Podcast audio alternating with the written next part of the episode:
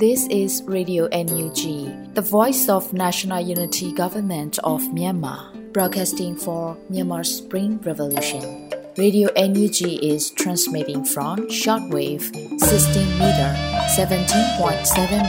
MHz at 8:30 a.m. and 25 meter 11.94 MHz at 8:30 p.m. Myanmar Standard Time.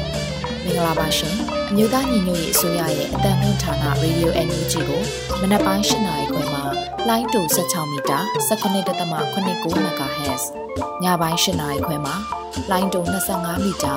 17.6 MHz တို့မှာဓာတ်ရိုက်ဖမ်းယူနိုင်စေနိုင်ပါရှင်။မင်္ဂလာအပေါင်းနဲ့ပြည့်စုံကြပါစေ။အခုချိန်ကစပြီး Radio NUG အစီအစဉ်လေးကိုဓာတ်ရိုက်အတန်လွှင့်ပေးနေပါပြီရှင်။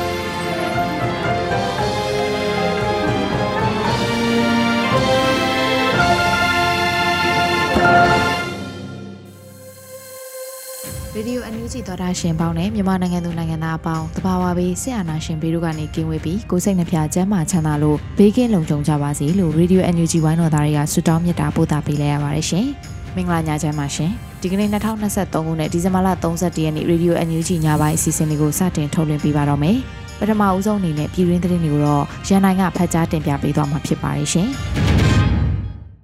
ရေဒီယိုအန်ယူဂျီပရိသတ်များမင်္ဂလာပါခင်ဗျာ။ ခုချိန်အစပြီး2023ခုနှစ်ဒီဇင်ဘာလ31ရက်နေ့ညပိုင်းပြည်တွင်သတင်းများကိုကျွန်တော်ရန်နိုင်ကတင်ဆက်ပေးပါတော့မယ်။ပထမဆုံးတင်ဆက်ပေးခြင်းတဲ့သတင်းကတော့အင်တာနက်ဖြတ်တောက်ခံထားရတဲ့နေရာအချို့မှာပြည်သူလူထုက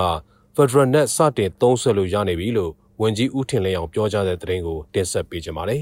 ။အင်တာနက်ဖြတ်တောက်ခံထားရတဲ့မြို့နယ်အချို့မှာပြည်သူလူထုအနေနဲ့ Federal Net နဲ့အင်တာနက်စတင်သုံးစွဲလို့ရနေပြီလို့ဒီဇင်ဘာလ31ရက်နေ့မှာ အမျိုးသားညီညွတ်ရေးဆိုရ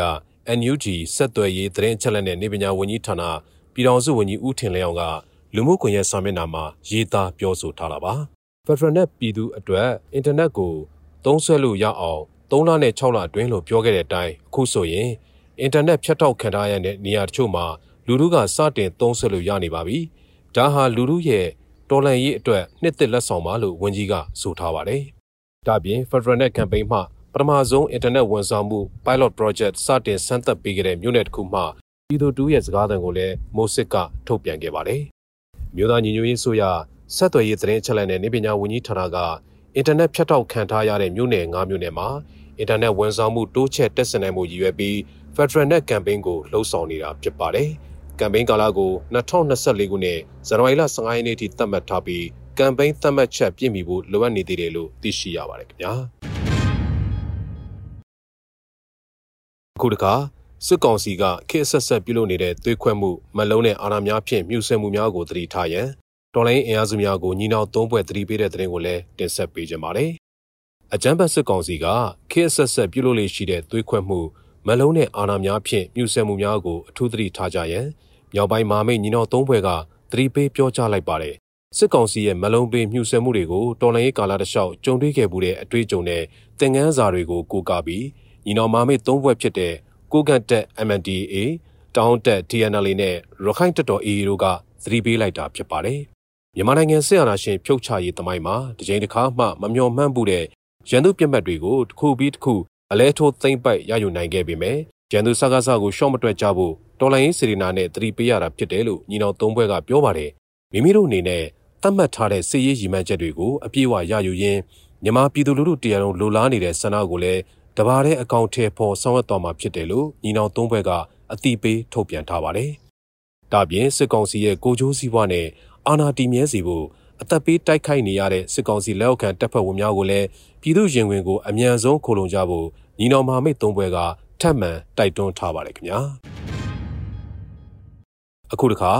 လောက်ကင်မှာအချိန်မီတိုက်ပွဲဖြစ်လာနိုင်တဲ့အတွက်အရသားများနဲ့နိုင်ငံသားများအမြန်တင်းရှောင်ကြရန် MNDAA သတိပေးတဲ့သတင်းကိုလည်းတင်ဆက်ပေးပါမယ်။ ကိုကန့်ဒေသလောက်ကင်မြို့နယ်အတွင်းမှာအချိန်မရွေးတိုက်ပွဲတွေဖြစ်လာနိုင်တာကြောင့်ဒေသခံရဲသားတွေနဲ့နိုင်ငံသားများအများဆုံးတင်းရှောင်ကြဖို့ကိုကန့်တက် MNDA ကသတိပေးထုတ်ပြန်လိုက်ပါတယ်။မြန်မာနိုင်ငံရှမ်းပြည်နယ်အထူးဒေသ1စေအုပ်ချုပ်မှုကော်မတီကဒီဇင်ဘာလ30ရက်နေ့စွဲနဲ့စစ်မြေပြင်ကနေအမြန်ဆုံးထွက်ခွာတင်းရှောင်ကြဖို့အသိပေးစာထုတ်ပြန်ခဲ့တာဖြစ်ပါတယ်။အချမ်းဘတ်စစ်ကောင်စီကပြည်သူလူထုရဲ့အသက်အန္တရာယ်ကိုဂရုမစိုက်ဘဲပြည်သူများနေထိုင်ရာနေရာတွေကိုလေကြောင်းအပြင် လက်နက်ကြီးတွေနဲ့ရန်တမ်းပစ်ခတ်နေတာကြောင့်လက်တလုံးမှာအပြစ်မဲ့ပြည်သူများစွာတည်ဆုံခဲ့ရပြီဖြစ်တယ်လို့ထုတ်ပြန်ချက်မှာဖော်ပြထားပါတယ်။လက်ရှိမှာလောက်ကိုင်ဒေသတွင်းမှာရှိတဲ့စစ်ကောင်စီတပ်ဖွဲ့အကျွမ်းကြံတွေနဲ့ကိုကန့်ရုပ်သိမ်းဖွဲ့တို့ဟာဆက်လက်ပေးကပ်ကောင်းမာပြီးတိုက်ခိုက်နေတဲ့အတွက်ဒေသတွင်းတိုက်ပွဲများလေကြောင်းမှဘုံကျဲတိုက်ခတ်မှုများအချိန်မရွေးဖြစ်လာနိုင်တာကြောင့်ပြည်သူများရဲ့အသက်အန္တရာယ်လုံခြုံရေးစိုးရိမ်စရာဖြစ်လာတယ်လို့အသိပေးထားပါတယ်။ဒါကြောင့်ပြည်သူများရဲ့အသက်အိုးအိမ်စီးစိမ်များကိုကာကွယ်ပေးနိုင်ဖို့ အထူးဒေသအတွင်းမှာရှိတဲ့ပြည်သူလူထုအနေနဲ့ဘေးကင်းလုံခြုံတဲ့နေရာတွေကိုအမြန်ဆုံးတင်းရှောင်နေထိုင်ကြဖို့ဒေသတွင်းမှာရှိနေတဲ့နိုင်ငံသားတွေအနေနဲ့လည်း MNDAA ရဲ့တပ်ဆိုင်ရာဌာနထံဆင်းရင်ပေးပြီးတရားဝင်လမ်းကြောင်းကနေအမြန်ဆုံးအိမ်ပြန်ကြဖို့တိုက်တွန်းထားပါတယ်။ MNDAA အနေနဲ့တရုတ်နိုင်ငံနဲ့တူအွန်လိုင်းလိမ်လည်လုပ်ငန်းကြားပြန်လှုပ်ဆောင်သူများကိုဆက်လက်ပူးပေါင်းဖမ်းဆီးသွားမှာဖြစ်တယ်လို့လည်းအသိပေးထုတ်ပြန်ထားပါတယ်ခင်ဗျာဆက်လက်ပြီး မုံရပလဖစကန်ကိုစီးနှင်းခဲ့တဲ့စစ်ကောင်စီတပ်ဖွဲ့ကိုတိုက်ခတ်မှုမှာစစ်သား3ဦးသေဆုံးခဲ့တယ်ဆိုတဲ့သတင်းကိုလည်းတင်ဆက်ပေးကြပါမယ်။စကိုင်းတိုင်းမုံရမြို့နယ်ညောင်မင်းသစ်ကြီးရွာမှာရှိတဲ့ပြည်သူ့လုံခြုံရေးအဖွဲ့ပလဖစကန်ကိုဝင်ရောက်စီးနှင်းတဲ့အကြမ်းဖက်စစ်ကောင်စီတပ်ဖွဲ့ကိုတိုက်ခတ်ခဲ့ရမှာစစ်သား3ဦးသေဆုံးခဲ့တယ်လို့ Golden Eagle Force မုံရွာကထုတ်ပြန်ထားပါတယ်။အရတော်မြို့နယ်တွင်းကိုစစ်ကြောင်းထိုးနေတဲ့အကြမ်းဖက်စစ်ကောင်စီတပ်ဖွဲ့ဟာဒီဇင်ဘာလ29ရက်နေ့မနက်၄နာရီချိန်ခန့်က မုံရွာမြို့နယ်ညောင်ပင်သစ်ကြီးရွာမှာရှိတဲ့ပြည်သူ့လုံခြုံရေးအဖွဲ့ပလပစကန်ကိုဝင်ရောက်စီးနင်းခဲ့တာလို့သိရပါတယ်။အကြမ်းဖက်စစ်တပ်ကစီးနင်းတိုက်ခတ်မှုကြောင့်ပြည်သူ့လုံခြုံရေးအဖွဲ့ပလပကတပ်ဖွဲ့ဝင်တဦးဖမ်းဆီးတပ်ဖြတ်ခံရပြီးစခန်းမှာရှိတဲ့ပစ္စည်းတွေလည်းဆုံးရှုံးခဲ့ရတယ်လို့သိရှိရပါတယ်။အခုလိုပြည်သူ့လုံခြုံရေးအဖွဲ့ပလပစီးနင်းခံရပြီးတဲ့နောက် Golden Eagle Force မုံရွာနဲ့ပုံနကပျောက်ကြားတပ်ဖွဲ့အပါအဝင်တော်လိုင်းအင်အားစုများပူးပေါင်းဖွဲ့တို့ကစစ်ကောင်စီတပ်ဖွဲ့ကို drone နဲ့ပုံကျဲတိုက်ခိုက်ခဲ့တဲ့ပြင် RPG တလုံးနဲ့ပါပစ်ခတ်တိုက်ခိုက်ခဲ့တာကြောင့်အကြမ်းဖက်စစ်ကောင်စီတပ်ဖွဲ့ဟာဖျို့ဖျဲဖြစ်သွားတယ်လို့ပြောပါတယ်။အထီနာပြီးဖျို့ဖျဲဖြစ်နေတဲ့အကြမ်းဖက်စစ်ကောင်စီတပ်ဖွဲ့ကိုအသင့်ဆောင်နေတဲ့မြေပြင်ပူးပေါင်းဖွဲ့ကပိတ်ဆို့ပစ်ခတ်ခဲ့တာကြောင့်စစ်သား3ဦးသေဆုံးပြီး9ဦးဒဏ်ရာရရှိသွားတာကြောင့်နမခကနေတက်လာတဲ့ MI35 နဲ့ပြစ်ကူပေးခဲ့ရတဲ့အထိဖြစ်ခဲ့တယ်လို့သိရပါတယ်။အကြမ်းဖက်စစ်ကောင်စီဘက်ကလေကြောင်းတိုက်ခိုက်မှုကြောင့်တော်လိုင်းအင်အားစုတွေပြန်လည်ဆုတ်ခွာခဲ့ရပေမဲ့အထီးကိမရှိခဲ့ဘူးလို့ Golden Eagle Force မုံရွာကထုတ်ပြန်ထားပါတယ်ခင်ဗျာဆလဘီရေစကြုံနဲ့မြိုင်မြို့နယ်တို့မှာစစ်ကောင်စီတပ်တိုက်ခိုက်ခံရတယ်ဆိုတဲ့သတင်းကိုလည်းတင်ဆက်ပေးကြပါမယ်။မကွေးတိုင်းရေစကြုံနဲ့မြိုင်မြို့နယ်တို့မှာစစ်ကောင်စီတပ်ကို drone လက်နက်ကြီးတို့နဲ့ပစ်ခတ်တိုက်ခိုက်ခဲ့တယ်လို့ရေစကြုံမြို့နယ်ပြည်သူ့ကာကွယ်တပ်ဖွဲ့ပြန်ကြားရေးတာဝန်ခံကပြောပါတယ်။ဒီဇင်ဘာလ29ရက်နေ့နေ့လယ်12နာရီခွဲချိန်ခန့်ကရေစကြုံမြို့နယ်စစ်ကောင်စီချီလင်တရင်ခလာရ258ကထွက်လာတဲ့ အင်အား30ခန့်ပါစစ်ကောင်စီစစ်ကြောင်းကို60မမလေးလုံးနဲ့ပြစ်ခတ်တိုက်ခိုက်ခဲ့တယ်လို့ဆိုပါတယ်။ဒါပြင်ဒီဇင်ဘာလ28ရက်နေ့ကလည်းရေစကြုံမြို့နယ်မြို့မရဲစခန်းရှိမှာစစ်ဆေးနေတဲ့စစ်ကောင်စီတပ်သားများနဲ့ရဲများကို60မမနှလုံးနဲ့ပြစ်ခတ်တိုက်ခိုက်ခဲ့တယ်လို့လည်း၎င်းကဆက်ပြောပါတယ်။အဲဒီတိုက်ခိုက်မှုနှစ်ခုအတွင်းစစ်သားတဦးနဲ့ရဲတဦးဒဏ်ရာရကရေစကြိုဆေးရုံကိုတင်ထားတယ်လို့ရေစကြိုမြို့နယ်ပြည်သူ့ကာကွယ်တပ်ဖွဲ့ထံကသိရပါတယ်။အလားတူဒီဇင်ဘာလ29ရက်နေ့ကလည်း မကွေးတိုင်းမြိုင်မြို့နယ်ထွေထွေအုပ်ချုပ်ရေးမှူးရုံးနဲ့မန္တလေးဂိတ်တို့အား drone နဲ့အီနာဂါဘုံဒီ24လုံးကျဲချတိုက်ခိုက်ခဲ့တယ်လို့မြိုင်ပကဖတောင်ရှိသူတို့ကပြောပါတယ်။ပြစ်မှတ်အတိအကျထိတာကြောင့်အထိခိုက်များနိုင်ပြီးဂိတ်ထဲကစစ်ကောင်စီတပ်သားတွေထွက်ပြေးသွားတယ်လို့သတင်းရကြောင်းမြိုင်ပကဖအဖွဲ့တောင်ရှိသူကဆိုပါတယ်။ဆိုပါစစ်စင်ရေးကိုမြိုင်ပကဖတရင်1တရင်2တခွဲ4နဲ့ဘိုးမွေစိုးအဖွဲ့မြိုင်ပကဖ drone တပ်ဖွဲ့တို့ပူးပေါင်းဆောင်ရွက်ခဲ့တာဖြစ်တယ်လို့သိရပါတယ်ခင်ဗျာ။ အခုတခါဝက်လက်မြို့နယ်မှာစစ်ကောင်စီတပ်ဖွဲ့ကို drone နဲ့ပုံကျဲတိုက်ခတ်ခဲ့ရမှာစစ်ကောင်စီတပ်သား2ဦးသေဆုံးခဲ့တယ်ဆိုတဲ့သတင်းကိုလည်းတင်ဆက်ပေးပါမယ်။စကိုင်းတိုင်းဝက်လက်မြို့နယ်ရွာသားကြီးရွာမှာတပ်ဆွဲထားတဲ့စစ်ကောင်စီတပ်ကို drone နဲ့ပုံကျဲတိုက်ခတ်ခဲ့ရမှာစစ်ကောင်စီတပ်သား2ဦးသေဆုံးခဲ့တယ်လို့ငွေရင်း Revolution Force ကအသိပေးဆိုပါတယ်။ဒီဇင်ဘာလ30ရက်နေ့မနက်7:00နာရီခွဲချိန်ခန့်ကရွာသားကြီးကျေးရွာရှိစစ်ကောင်စီတပ်သားနဲ့ပြူစောတိများကို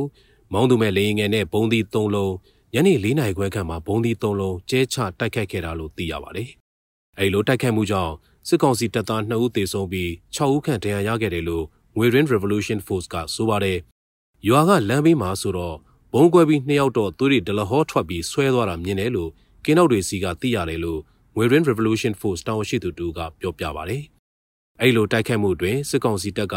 60မမနှလုံးအပါဝင်လက်နက်ငယ်များနဲ့ပြန်လည်ပစ်ခတ်ခဲ့ပြီး ပြည်သူ့ကာကွယ်ပူးပေါင်းတပ်ဖွဲ့ဝင်များအထိကိမရှိပြန်လည်ဆုတ်ခွာနိုင်ခဲ့တယ်လို့သိရပါတယ်အဲဒီတိုက်ခိုက်မှုကိုငွေရင်း Revolution Force MRTF MMU ကြားညီနောင် LPDF နဲ့ရွာသားကြီးတိုက်နယ်ပကဖတို့ကပူးပေါင်းဆောင်ရွက်ခဲ့တာဖြစ်တယ်လို့သိရပါတယ်ခင်ဗျာအခုတခါကော့ဂရိတ်မြို့နယ်တောင်ချာရင်ရဲစခန်းနဲ့စာသင်ကျောင်းမှာတက်ဆွဲနေတဲ့စစ်ကောင်စီတပ်ဖွဲ့ကိုတိုက်ခိုက်မှုမှာစစ်သား28ဦးထပ်မံတေဆုံးခဲ့တဲ့ဆိုတဲ့သတင်းကိုလည်းတင်ဆက်ပေးပါမယ်။ ကရင်ပြည်နယ်ကော့ဂရိတ်မြို့နယ်တောင်ချာရင်ရဲစခန်းနဲ့စာသင်ကျောင်းမှာတက်ဆွဲနေတဲ့အကြမ်းဖက်စစ်ကောင်စီတပ်ဖွဲ့ကိုတိုက်ခိုက်ခဲ့ရမှာစစ်သား28ဦးထပ်မံတေဆုံးခဲ့တယ်လို့ကြားပြူစစ်ကြောင်းကထုတ်ပြန်ထားပါတယ်။ကော့ဂရိတ်မြို့နယ်မှာရှိတဲ့တောင်ချာရင်ရဲစခန်းနဲ့စာသင်ကျောင်းမှာတက်ဆွဲနေတဲ့အကြမ်းဖက်စစ်ကောင်စီလက်အောက်ခံခမာယာ208ခမာယာ946တပ်ကစစ်ကောင်စီတပ်ဖွဲ့ကိုပြည်သူ့ကာကွယ်ရေးတပ်မတော်ကြားပြူစစ်ကြောင်းတပ်ခွဲ3နဲ့မဟာမိတ်ပူးပေါင်းဖွဲ့ကဒီဇင်ဘာလ28ရက်နေ့မှာတိုက်ခိုက်ခဲ့တာလို့သိရပါတယ်။ အဲဒီတိုက်ခိုက်မှုကို KNLA, KNDO ပြည်သူ့ကာကွယ်ရေးတပ်မတော်ကြားပြူစစ်ကြောင်းတပ်ခွဲ3နဲ့မဟာမိတ်ပူးပေါင်းဖွဲ့တို့ကတိုက်ခိုက်ခဲ့တာဖြစ်ပြီးတော်လိုင်းပူးပေါင်းတပ်ဖွဲ့ဝင်တအူ Federal Democracy တိဆောက်ရေးအတွက်အသက်ပေးလူခဲ့ရတယ်လို့အသိပေးထားပါတယ်။ကော့ဂရိတ်မြို့နယ်အတွင်းကိုအကြမ်းဖက်စစ်တပ်ကလက်နက်ကြီးတွေနဲ့ပစ်ခတ်ခါလေကြောင်းပစ်ကူတွေနဲ့ထိုးစစ်ဆင်နေပေမဲ့အထိနာနေတယ်လို့ကြားပြူစစ်ကြောင်းကစီရေးသတင်းရင်းမြစ်ကပြောပါတယ်။ကြားပြူစစ်ကြောင်းဟာ မြောက်ပိုင်းညီတော်မမိတ်သုံးဘွဲကဖော်ဆောင်နေတဲ့10နှစ်ခွန်စစ်စင်နဲ့အတူရှင်တွဲပြီးပါဝင်ဆင်နွှဲနေတဲ့စစ်ကြောင်းတစ်ခုဖြစ်တယ်လို့သိရှိရပါတယ်ခင်ဗျာ။အခုနောက်ဆုံးနိုင်ငံတော်ဝန်ရှိအကျဉ်းတော်များမှာအကြမ်းဖက်ခံရမှုကြောင့်2023တနှစ်အတွင်းမှာပဲနိုင်ငံရေးကျင်းသား18ဦးသေဆုံးခဲ့ရတယ်ဆိုတဲ့သတင်းကိုလည်းတင်ဆက်ပေးကြပါမယ်။မြန်မာနိုင်ငံတော်မှာရှိတဲ့အကျဉ်းတော်များမှာစစ်ကောင်စီရဲ့အကြမ်းဖက်ခံရမှုကြောင့်2023ခုနှစ်တနှစ်အတွင်းနိုင်ငံရေးကျင်းသား18ဦးသေဆုံးခဲ့ရကြောင်း မြန်မာနိုင်ငံလုံးဆိုင်ရာနိုင်ငံရေးကျင်းသားများကွန်ရက် AAPP ကဒီဇင်ဘာလ30ရက်နေ့မှာထုတ်ပြန်ထားပါတယ်။အဲ့ဒီ18ဦးစလုံးဟာစစ်ကောင်စီလက်အောက်ခံအချင်းဦးစီးနဲ့ရဲတွေရဲ့ရဲရဲဆက်ဆက်တပ်ဖြတ်ခံခဲ့ရတဲ့သူတွေဖြစ်ပြီးတေဆုံးမှုဖြစ်စဉ်တိုင်းမှာစစ်ကောင်စီကတပ်ဖြတ်ခဲ့တယ်ဆိုတဲ့အကြောင်းကိုဘယ်တော့မှဝန်ခံခဲ့တာမရှိဘူးလို့ AAPP ဦးဆောင်ကော်မတီဝင်တူဖြစ်သူကိုတိုက်ထွန်းကပြောပါတယ်အဲ့ဒီမှာဆိုရင်12ဦးကတော့ဒိုင်ဦးထောင်ကနေတာဝတီထောင်အင်းစိန်ထောင်ကိုအပြောင်းမှာထွက်ပြေးဖို့ကြံစီလို့ ၆လပစ်ခတ်လိုက်ရပါတယ်ဆိုပြီးအသက်ခံလိုက်ရပါတယ်လို့ကိုတိုက်ထွန်းကမြန်မာ Press Photo Agency ကိုဖြေဆိုထားပါတယ်အဲ့ဒီလိုတပ်ဖြတ်ခံခဲ့ရတဲ့ရုပ်လောင်းတွေကိုပြန်လည်ရရှိခြင်းမရှိဘဲကျမ်းမာရေးကိုကြောင်းပြကမိသားစုဝင်များကိုစာပေးပို့ခြင်းသာရှိတယ်လို့၎င်းကဆက်ပြောပြပါတယ်စစ်ကောင်စီရဲ့တပ်ပြတ်ခြင်းခံရသူများမှာပသိမ်အချင်းတော်မှနိုင်ငံရေးအကျဉ်းသား2ဦးဒိုင်ဦးအချင်းတော်မှနိုင်ငံရေးအကျဉ်းသား73ဦးမြင်းကြံအချင်းတော်မှနိုင်ငံရေးအကျဉ်းသား2ဦးရန်ကုန်အင်းစိန်ထောင်မှနိုင်ငံရေးအကျဉ်းသား2ဦး မုံရွာအချင်းတော်မှနိုင်ငံရေးအကျဉ်းသား2ဦးတို့ဖြစ်တယ်လို့သိရှိရပါတယ်ခုစင်းဟာမြန်မာနိုင်ငံအတွင်းအချင်းတော်40ကျော်ရှိတဲ့အနက်ပြည်내နဲ့တိုင်း12ခုမှအချင်းတော်36ခုကိုကောက်ယူပြုစုထားတာဖြစ်တယ်လို့ AAPP ကဆိုပါတယ်အဲဒီလိုအချင်းတော်တွင်လူခွင့်ရေးချိုးဖောက်ခံမှုများဟာလက်ရှိမှာဖြစ်နေဆဲဖြစ်တဲ့အတွက်ပြည်သူလူထုနဲ့ကဘာတဝမ်းရှိလူခွင့်ရေးတက်ကြွလှုပ်ရှားသူများသိရှိပြီးစစ်ကောင်စီကို PR တစုံတရာပြုလုပ်လာနိုင်စေဖို့ရည်ရွယ်ပြီးထုတ်ပြန်တာဖြစ်တယ်လို့ APP ကအသိပေးထားပါတယ်ခင်ဗျာ အခုတင်ပြခဲ့တဲ့သတင်းတွေကို Radio NUG သတင်းတောက်ကိုခန့်နဲ့မင်းစစ်သွေးတို့ကပေးပို့ထားတာဖြစ်ပါတယ်ခင်ဗျာ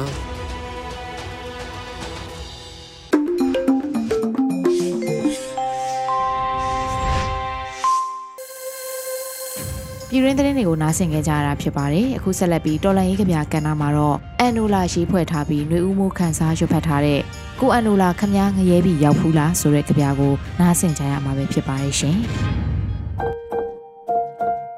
ကိုအန်နိုလာခမားငရဲပြီးရောက်ဖူးလား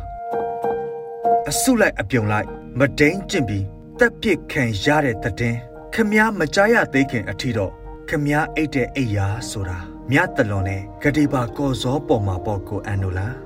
အဆုလိုက်အပြုံလိုက်မီးရှို့ပြီးတက်ပစ်ခံရတဲ့တဲ့ခမားမကြားရမမြင်ရသေးခင်အထီတော့ခမားစားနေတဲ့ပင်လယ်စာအကင်တွေနဲ့ဘာဘီကျူးတွေဟာ သိတ်ကိုမှွေးပြန့်ရနံ့တွေထွက်နေမှာပေါ့ကိုအန်နိုလာငရဲပြီဆိုတာပျော်စရာတွေကိုစက်တနက်နဲ့အစွဲခံလိုက်ရတဲ့ဒုက္ခဝေစာသိချင်းစရာကဘာတစ်ခုပါကိုအန်နိုလာငရဲပြီမှာမြတ်တက်တွက်ခိုင်မရှိတော့ဘူးကျဲစင်မရှိတော့ဘူးမကြည်လင်အေးမရှိတော့ဘူးကိုကေဇဝင်လဲမရှိတော့သလိုကိုခတ်တီနဲ့အေးဆိုင်ကေလဲမရှိတော့ပါဘူးခ မည်းငရဲပြီရောက်ဖူးလားကိုအန်နိုလာငရဲရဲ့တေးတန်ဆိုတာကျမသားလေးသိပါပြီကျွန်တော်သမီးလေးသိပါပြီဆိုတဲ့ငိုတန်တွေနဲ့တီထားတဲ့တချင်းတပုတ်ပေါ့ကိုအန်နိုလာခမည်းသားငရဲပြီရောက်ဖူးရင်ဘယ်လိုနှလုံးသားနဲ့ဒီတေးတန်ကိုနားဆင်မှာပါလဲဒါမှမဟုတ်ငရဲပြီမှာပလဲတီနေမှာလားကိုအန်နိုလာနေနဲ့နီးနိုင်သမျှနီးအောင် ပြန်နေတဲ့ feeling ငတ်တွေဟာ အလကားတက်တက်စောက်ယူထနေတာမဟုတ်ဘူးကိုအန်နိုလာအမောင်မြို့ရိုးတနေရာကို အလင်းရစေလိုတဲ့နှလုံးသားသူတို့ရင်ကိုမခွဲလဲခမားမြင်ရမှာပါငရဲပြီကအသေးကလေးစားတွေဟာကဘာကြီးရဲ့နှလုံးသားလိုအမြဲမငြိမညာပွင့်စရာနေရာရှားတဲ့တောကပန်းတွေဆိုတာကျွန်တော်တို့ရင်ထဲမှာပွင့်ဝေလိုက်ကြပုံများ အဆုတ်လိုက်အခိုင်လိုက်ဖမ်းစရာလူရှားလို့သုံးနှစ်ကျော်ကလေးလေးကိုလည်းမူကြိုเจ้าမှာဝင်ဖမ်းလိုက်ကြပုံများအဆုလိုက်အပြုံလိုက်ပျော်စရာနေရာရှားလို့ဒုက္ခဟာကျွန်တော်တို့နဲ့ပျော်နေလိုက်ပုံများလာနဲ့နှစ်နဲ့ခမည်းငရဲပြီတကယ်ရောက်ဖူးရလားကိုအန်နိုလာကျွန်တော်တို့ကတော့ခုငရဲမှာအန်နိုလာ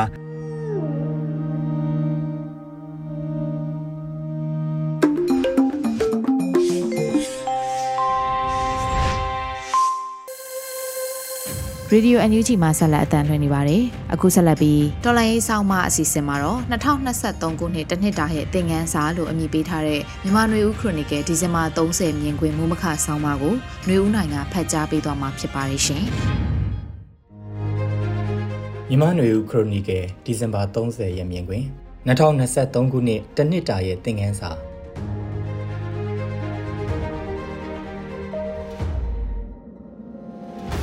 2023ခုနှစ်ကုန်ဆုံးဖို့တရက်တာကြန့်ရှိတဲ့အချိန်ကာလမှာတွေးတောမိတဲ့အချက်တွေကတော့2023ခုနှစ်တနှစ်တာအတွင်းဘာတွေဖြစ်ပျက်ခဲ့တယ်လဲ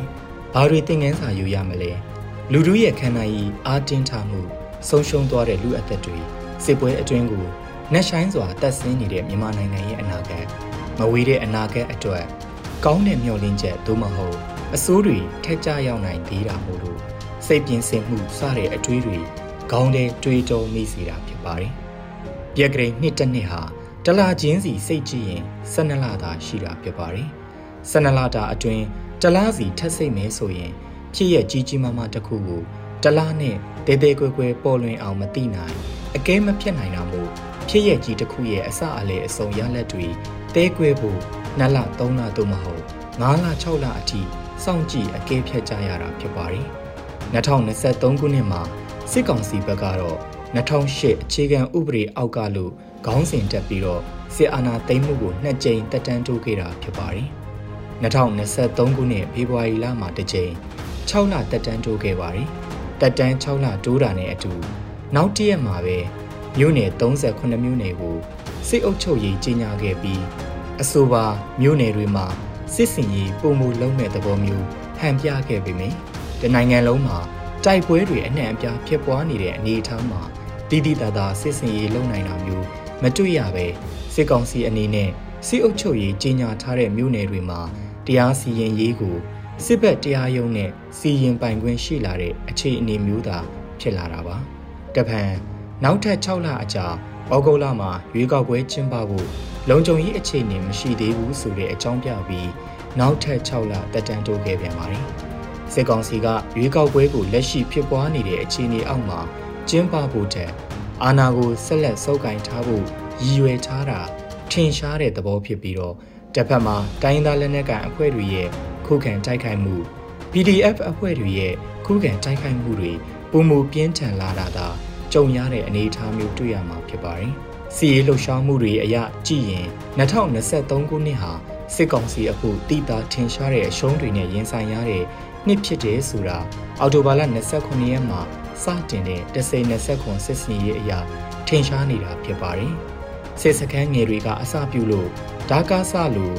စစ်စခန်းကြီးတွေဘီဝါကုန်းတွေအထိဆုံးရှုံးလက်လွတ်လိုက်ရသလိုမြို့တွေတရားစင်ကျော်နှစ်ဒါစင်နီးပါးလက်လွတ်ဆုံးရှုံးရတဲ့အနေအထားဖြစ်လို့စစ်ကောင်စီရဲ့နှီးကုန်းက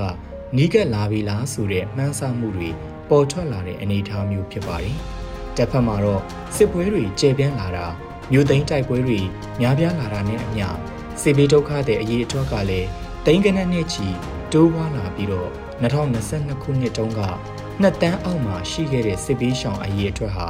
2023ခုနှစ်မှာတော့2တန်း6သိန်းအထိရောက်ရှိလာတာဖြစ်ပါတယ်။မြန်မာနိုင်ငံလူထုအနေနဲ့ဆယ်စုနှစ်များစွာအတွင်းအမြင့်ဆုံးသောစစ်မှတ်ဖြစ်ပွားမှုကိုရင်ဆိုင်ကြုံဖြတ်နေရတာဖြစ်ပါတယ်။စစ်ဘေးရှောင်အရေးအတွက်ဟာ ပြည်တွင်းမှာ2တန်း6သိန်းကျော်ရှိပြီးတော့အိန္ဒိယနိုင်ငံရောက်ရိုဟင်ဂျာဒုက္ခတွေအရေးအတွက်နဲ့ပေါင်းရင်3တန်းခွဲကျော်ရှိတဲ့အနေအထားလေးရောက်ရှိလာတာဖြစ်ပါတယ်။2023ခုနှစ်မှာစစ်ဘေးရှောင်တွေကိုအကူအညီအထောက်ပံ့ပေးရဖို့ကုလသမဂ္ဂအာဆီယံလူသားချင်းစာနာမှုအကူအညီပေးရေးစင်တာအစရှိတဲ့အဖွဲ့အစည်းတွေအနေနဲ့လုံလောက်တဲ့နိုင်ငံတကာရန်ပုံငွေလည်းရှိကြပုံမပေါ်သလို စစ်ကောင်စီဘက်ကလည်း၎င်းထိန်းချုပ်ထားတဲ့နေမြေဒေသတွေကနေအကူအညီပေးအခွင့်ပြပြဝဝမရှိတာကြောင့်ကြီးကြီးမားမားအကူအညီပေးတာမျိုးမတွေ့ရပဲပြည်တွင်းလူမှုကူညီပေးရေးအဖွဲ့အစည်းတွေ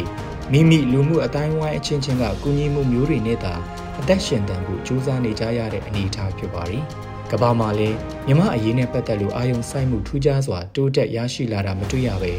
2022ခုနှစ်ကစတင်ဖြစ်ပွားခဲ့တဲ့ယူကရိန်းရုရှားစစ်ပွဲနောက်ပိုင်းအရှိအလဲပိုင်းအစ္စရေးပါလက်စတိုင်းစစ်ပွဲကနိုင်ငံတကာရဲ့အာယုံစိုက်မှုကိုဆွဲယူသွားတာဖြစ်ပါတယ်။2023ခုနှစ်အတွင်းမှာတိုင်းရင်းသားလက်နက်ကိုင်အင်အားစုတွေအကြားတိုင်းရင်းသားလက်နက်ကိုင်အဖွဲ့တွေနဲ့ PDF လို့ခေါ်ဆိုတဲ့ကာကွယ်ရေးတပ်ဖွဲ့တွေအကြားကာကွယ်ရေးတပ်ဖွဲ့အချင်းချင်းအကြားဆက်ဆံရေးမဟာမိတ်အဖြစ်ပူးပေါင်းတိုက်ခိုက်မှုတွေအနေအထားကို သုံးသပ်ကြည့်တဲ့အခါမှာဒဇင်20ခွန်စစ်စင်ရေးကမြောက်ပိုင်းလက်နက်ကင်သုံးဖွဲ့အကြားတပြိုင်နက်တည်းစစ်ကောင်စီစခန်းမြို့နေရာအများအပြားကိုတိုက်ခိုက်မှုအဖြစ်ထင်ရှားတဲ့တိုးတက်မှုတစ်ခုဖြစ်ပြီး BBLA လိုမြန်မာနိုင်ငံတောင်ပိုင်းကဗမာလူမျိုးလက်နက်ကင်အဖွဲ့က၎င်းရဲ့တပ်ရင်းအချို့ဘူပေါင်းပါဝင်ခဲ့တဲ့အဖြစ်အပျက်ကလည်းထင်ရှားတဲ့တိုးတက်မှုအဖြစ်သတ်မှတ်ရမှာဖြစ်ပါတယ်။တစ်ဖက်မှာလည်းလူမျိုးစုအမျိုးမျိုး အခြေစိုက်နေထိုင်ကြတဲ့ရှမ်းမြောက်လူဒေသမျိုးမှာ TNL နဲ့ MNDAA ကနေမြေတိုးချဲ့မှုအဖြစ်စိုးရိမ်မှုတွေရှိနေကြတာလေလက်ရှိမြေပြင်ကအနေအထားတချို့ဖြစ်ပါတယ်။ကချင်လူမျိုးရှမ်းလူမျိုးတွေရောနှောနေထိုင်ကြတဲ့ရှမ်းပြည်နယ်မြောက်ပိုင်းရဲ့နိုင်ငံရေးစစ်ရေးအနေအထားကစစ်ကောင်စီကိုဖယ်ရှားလိုက်တဲ့နောက်အခြားသောလက်နက်ကင်တပ်ဖွဲ့အချင်းချင်းအကြားပို့တိုက်မှုတွေပေါ်ထွက်မလာအောင်တတိကြီးကြီးထားလှုံ့ဆော်ကြရမယ့်အခြေအနေမျိုးလည်းဖြစ်ပါတယ်။ 2023ခုနှစ်အတွင်းစီးပွားရေးအခြေအနေလူမှုရဲ့လူမှုဘဝတွေလုံခြုံတဲ့လူမှုဘဝစတဲ့အချက်တွေကိုကြည့်ရင်မကြုံဘူးတဲ့ငွေကြေးဖောင်းပွားမှုစစ်ပွဲတွေနဲ့အတူမြို့ရွာတွေကိုပိတ်ဆို့ဖျက်တောက်မှုရဲ့အကျိုးဆက်အနေနဲ့စားတောက်ကုန်မတန်တဆဈေးတက်ခြင်းလူသုံးကုန်ပစ္စည်းတွေရှားပါးတာတွေက2023ခုနှစ်ရဲ့ဖြစ်စဉ်တွေတည်းတိတာထင်ရှားတဲ့အဖြစ်အပျက်တွေဖြစ်ပါတယ်။စစ်ပွဲတွေပုံမှုပြင်းထန်လာလေလေကြီးမြင့်လာတဲ့ စစ်စရေးအတွက်စစ်ကောင်စီကဒေါ်လာချွေတာမှုလှုပ်ဆောင်မှုတွေကြောင့်လောင်စာစီရှားပါးတဲ့ပြဿနာကလည်းတည်ယူပို့ဆောင်ရေးတင်မကပဲကုန်ထုတ်လုပ်မှုတွေကိုပါထိခိုက်စေပြီးတော့အဆိုးတန်တရားကိုစတင်စေတာဖြစ်ပါတယ်။လောင်စာစီဈေးကြီးမြင့်တာဝယ်ရခက်ခဲတာကရေလုပ်ငန်းစိုက်ပျိုးရေးလုပ်ငန်းစမှုစုံတွေအထိဆိုးရွားစွာ ထိခိုက်စေပြီးတော့တနိုင်ငံလုံးအတိုင်းအတာနဲ့တက်ရောက်နေတဲ့အနေအထားဖြစ်ပါတယ်။2023ခုနှစ်နှစ်လယ်မှာ မြန်မာကျပ်ငွေတန်ဖိုးကတကြော့မြင့်တက်ခဲ့ပြီးတော့ယမန်နှစ်ကဒေါ်လာကျပ်2800-2900ဝန်းကျင်ရှိတဲ့ကျပ်ငွေလဲနှုန်းကနှစ်ကုန်ကာနီးမှာ3500-3600ကျပ်ထိရောက်ရှိနေပြီဖြစ်ပါတယ်။စစ်ဘေးကြရောက်နေတဲ့ဒေသတွေတင်မကစစ်ပွဲဖြစ်ပွားခြင်းမရှိတဲ့မြို့တွေမှာလည်းရာဇဝမှုတွေကပုံမမြင့်တက်လာနေပြီးတော့ပြည်သူလူထုအနေနဲ့မိမိတို့လုံခြုံရေးကိုမိမိတို့ဘာသာစောင့်ရှောက်ကာကွယ်ရမယ့်အနေအထားဖြစ်လာနေတာဖြစ်ပါတယ်။ ဓမြတိုက်မှုတွေပစ္စည်းယူမှု လူတက်မှုတွေမြို့အတော်တော်များများမှာဖြစ်ပွားနေပြီးတော့ဘယ်လူရဲမှုဓမြတိုက်မှုတွေကိုမှစစ်ကောင်စီရဲ့တရားဥပဒေစိုးမိုးရေးရန်တရားကဖော်ထုတ်နိုင်ခြင်းမရှိတာလဲတွေ့ရမှာဖြစ်ပါတယ်။လူထုအနေနဲ့2023ခုနှစ်ကုန်လို့ပြီး2024ခုနှစ်မှာဆီယနာရှင်စနစ်ကိုဖယ်ရှားနိုင်ဖို့ဖက်ဒရယ်နိုင်ငံတစ်ကိုတည်ဆောက်နိုင်ဖို့ငြိမ်းချမ်းရေးရဖို့မျှော်လင့်ထားကြမှာဖြစ်ပြီးအဲ့ဒီအခြေအနေကိုရောက်ရှိဖို့ညီညွတ်ရေး ဘုံနိုင်ငံရေးသဘောတူညီမှုနဲ့အဖွဲ့အစည်းတစ်ခုအကျိုးစီးပွားထက်အများအကျိုးစီးပွားကိုဦးစားပေးမှုတွေရှိဖို့လိုအပ်နေတာလည်းဖြစ်ပါတယ်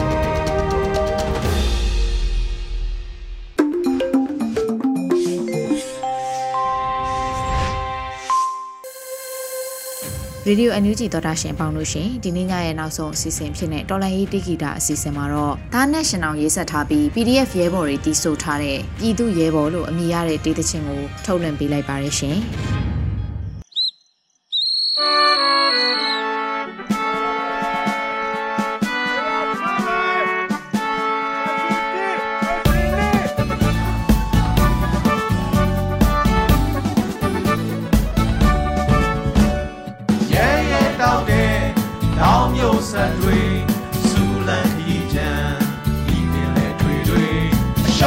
ရှေ့ဆက်ဆွဲတတ်တီတွေ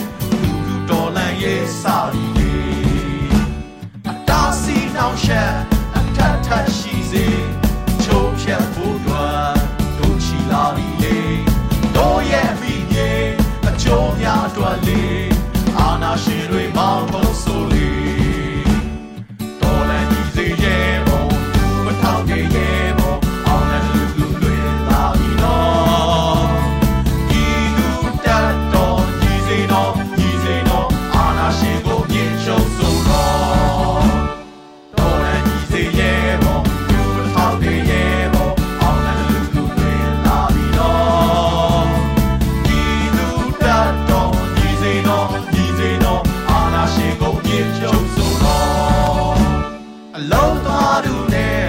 ကျောင်းသားသူတွေပစ္စည်းမဲ့ကြောမွေအားရကြီးပါလေတို့စိတ်ဓာတ်နဲ့ချိုးဖြတ်တိုင်းစေကဲဒီရှိကိုမတောင်းတ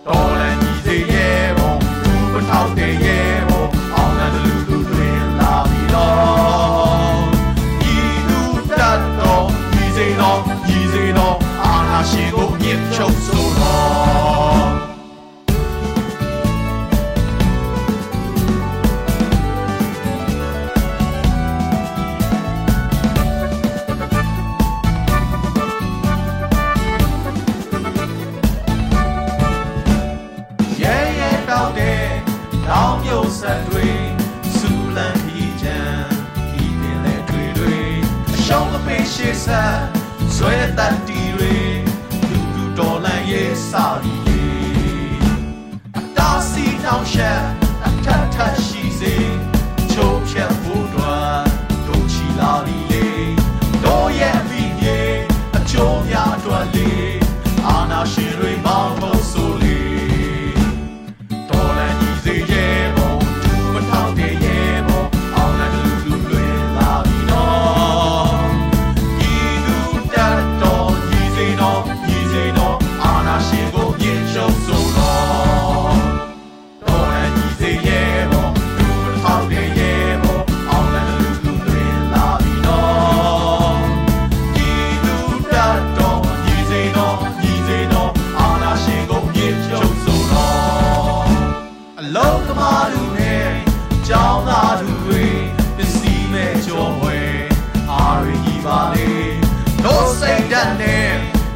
ချိုးဖြတ်တိုင်းစေကဲဒီရှိကိုမတောင်းတနေလေတော်လည်းညီစေရဲ့ဘုံသူမထောက်တဲ့ရဲ့ဘုံအောင်လည်းလူလူတွေလာပြီးတော့ညီသူတတ်တော်ညီစေတော့ညီစေတော့အာနာရှင်ကိုအမြင့်ချုပ်ဆိုတော့အာနာရှင်ကိုအမြင့်ချုပ်ဆိုတော့အာနာရှင်ကိုအမြင့်ချုပ်ဆိုတော့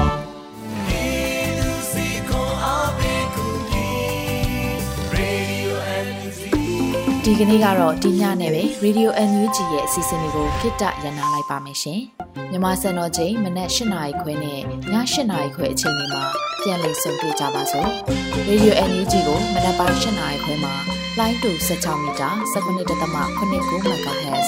ညပိုင်း၈နာရီခွဲမှာလိုင်းတူ25မီတာ17.6 MHz တို့မှာဓာတ်ရိုက်ဖမ်းလို့နိုင်စေနိုင်ပါပြီ။ မြန်မာနိုင်ငံသူနိုင်ငံသားတွေကိုစိတ်နှပြကျန်းမာချမ်းသာလို့ဘေးကင်းလုံခြုံကြပါစေလို့ Radio NUG အဖွဲ့သူဖွဲ့သားတွေကဆုတောင်းမြတ်တာပို့တာနေပါတယ်ရှင်။မြေသားညီမတွေအစိုးရရဲ့စက်တော်ရင်သတင်းအချက်အလက်တွေလူပညာဝန်ကြီးဌာနကထုတ်လွှင့်နေတဲ့ Radio NUG ဖြစ်ပါတယ်။ San Francisco Bay Area အခြေစိုက်မြန်မာမိသားစုတွေနဲ့နိုင်ငံတကာကစေတနာရှင်တို့အားပေးနေတဲ့ Radio NUG ဖြစ်ပါတယ်။အရေးတော်ပုံအောင်ရမည်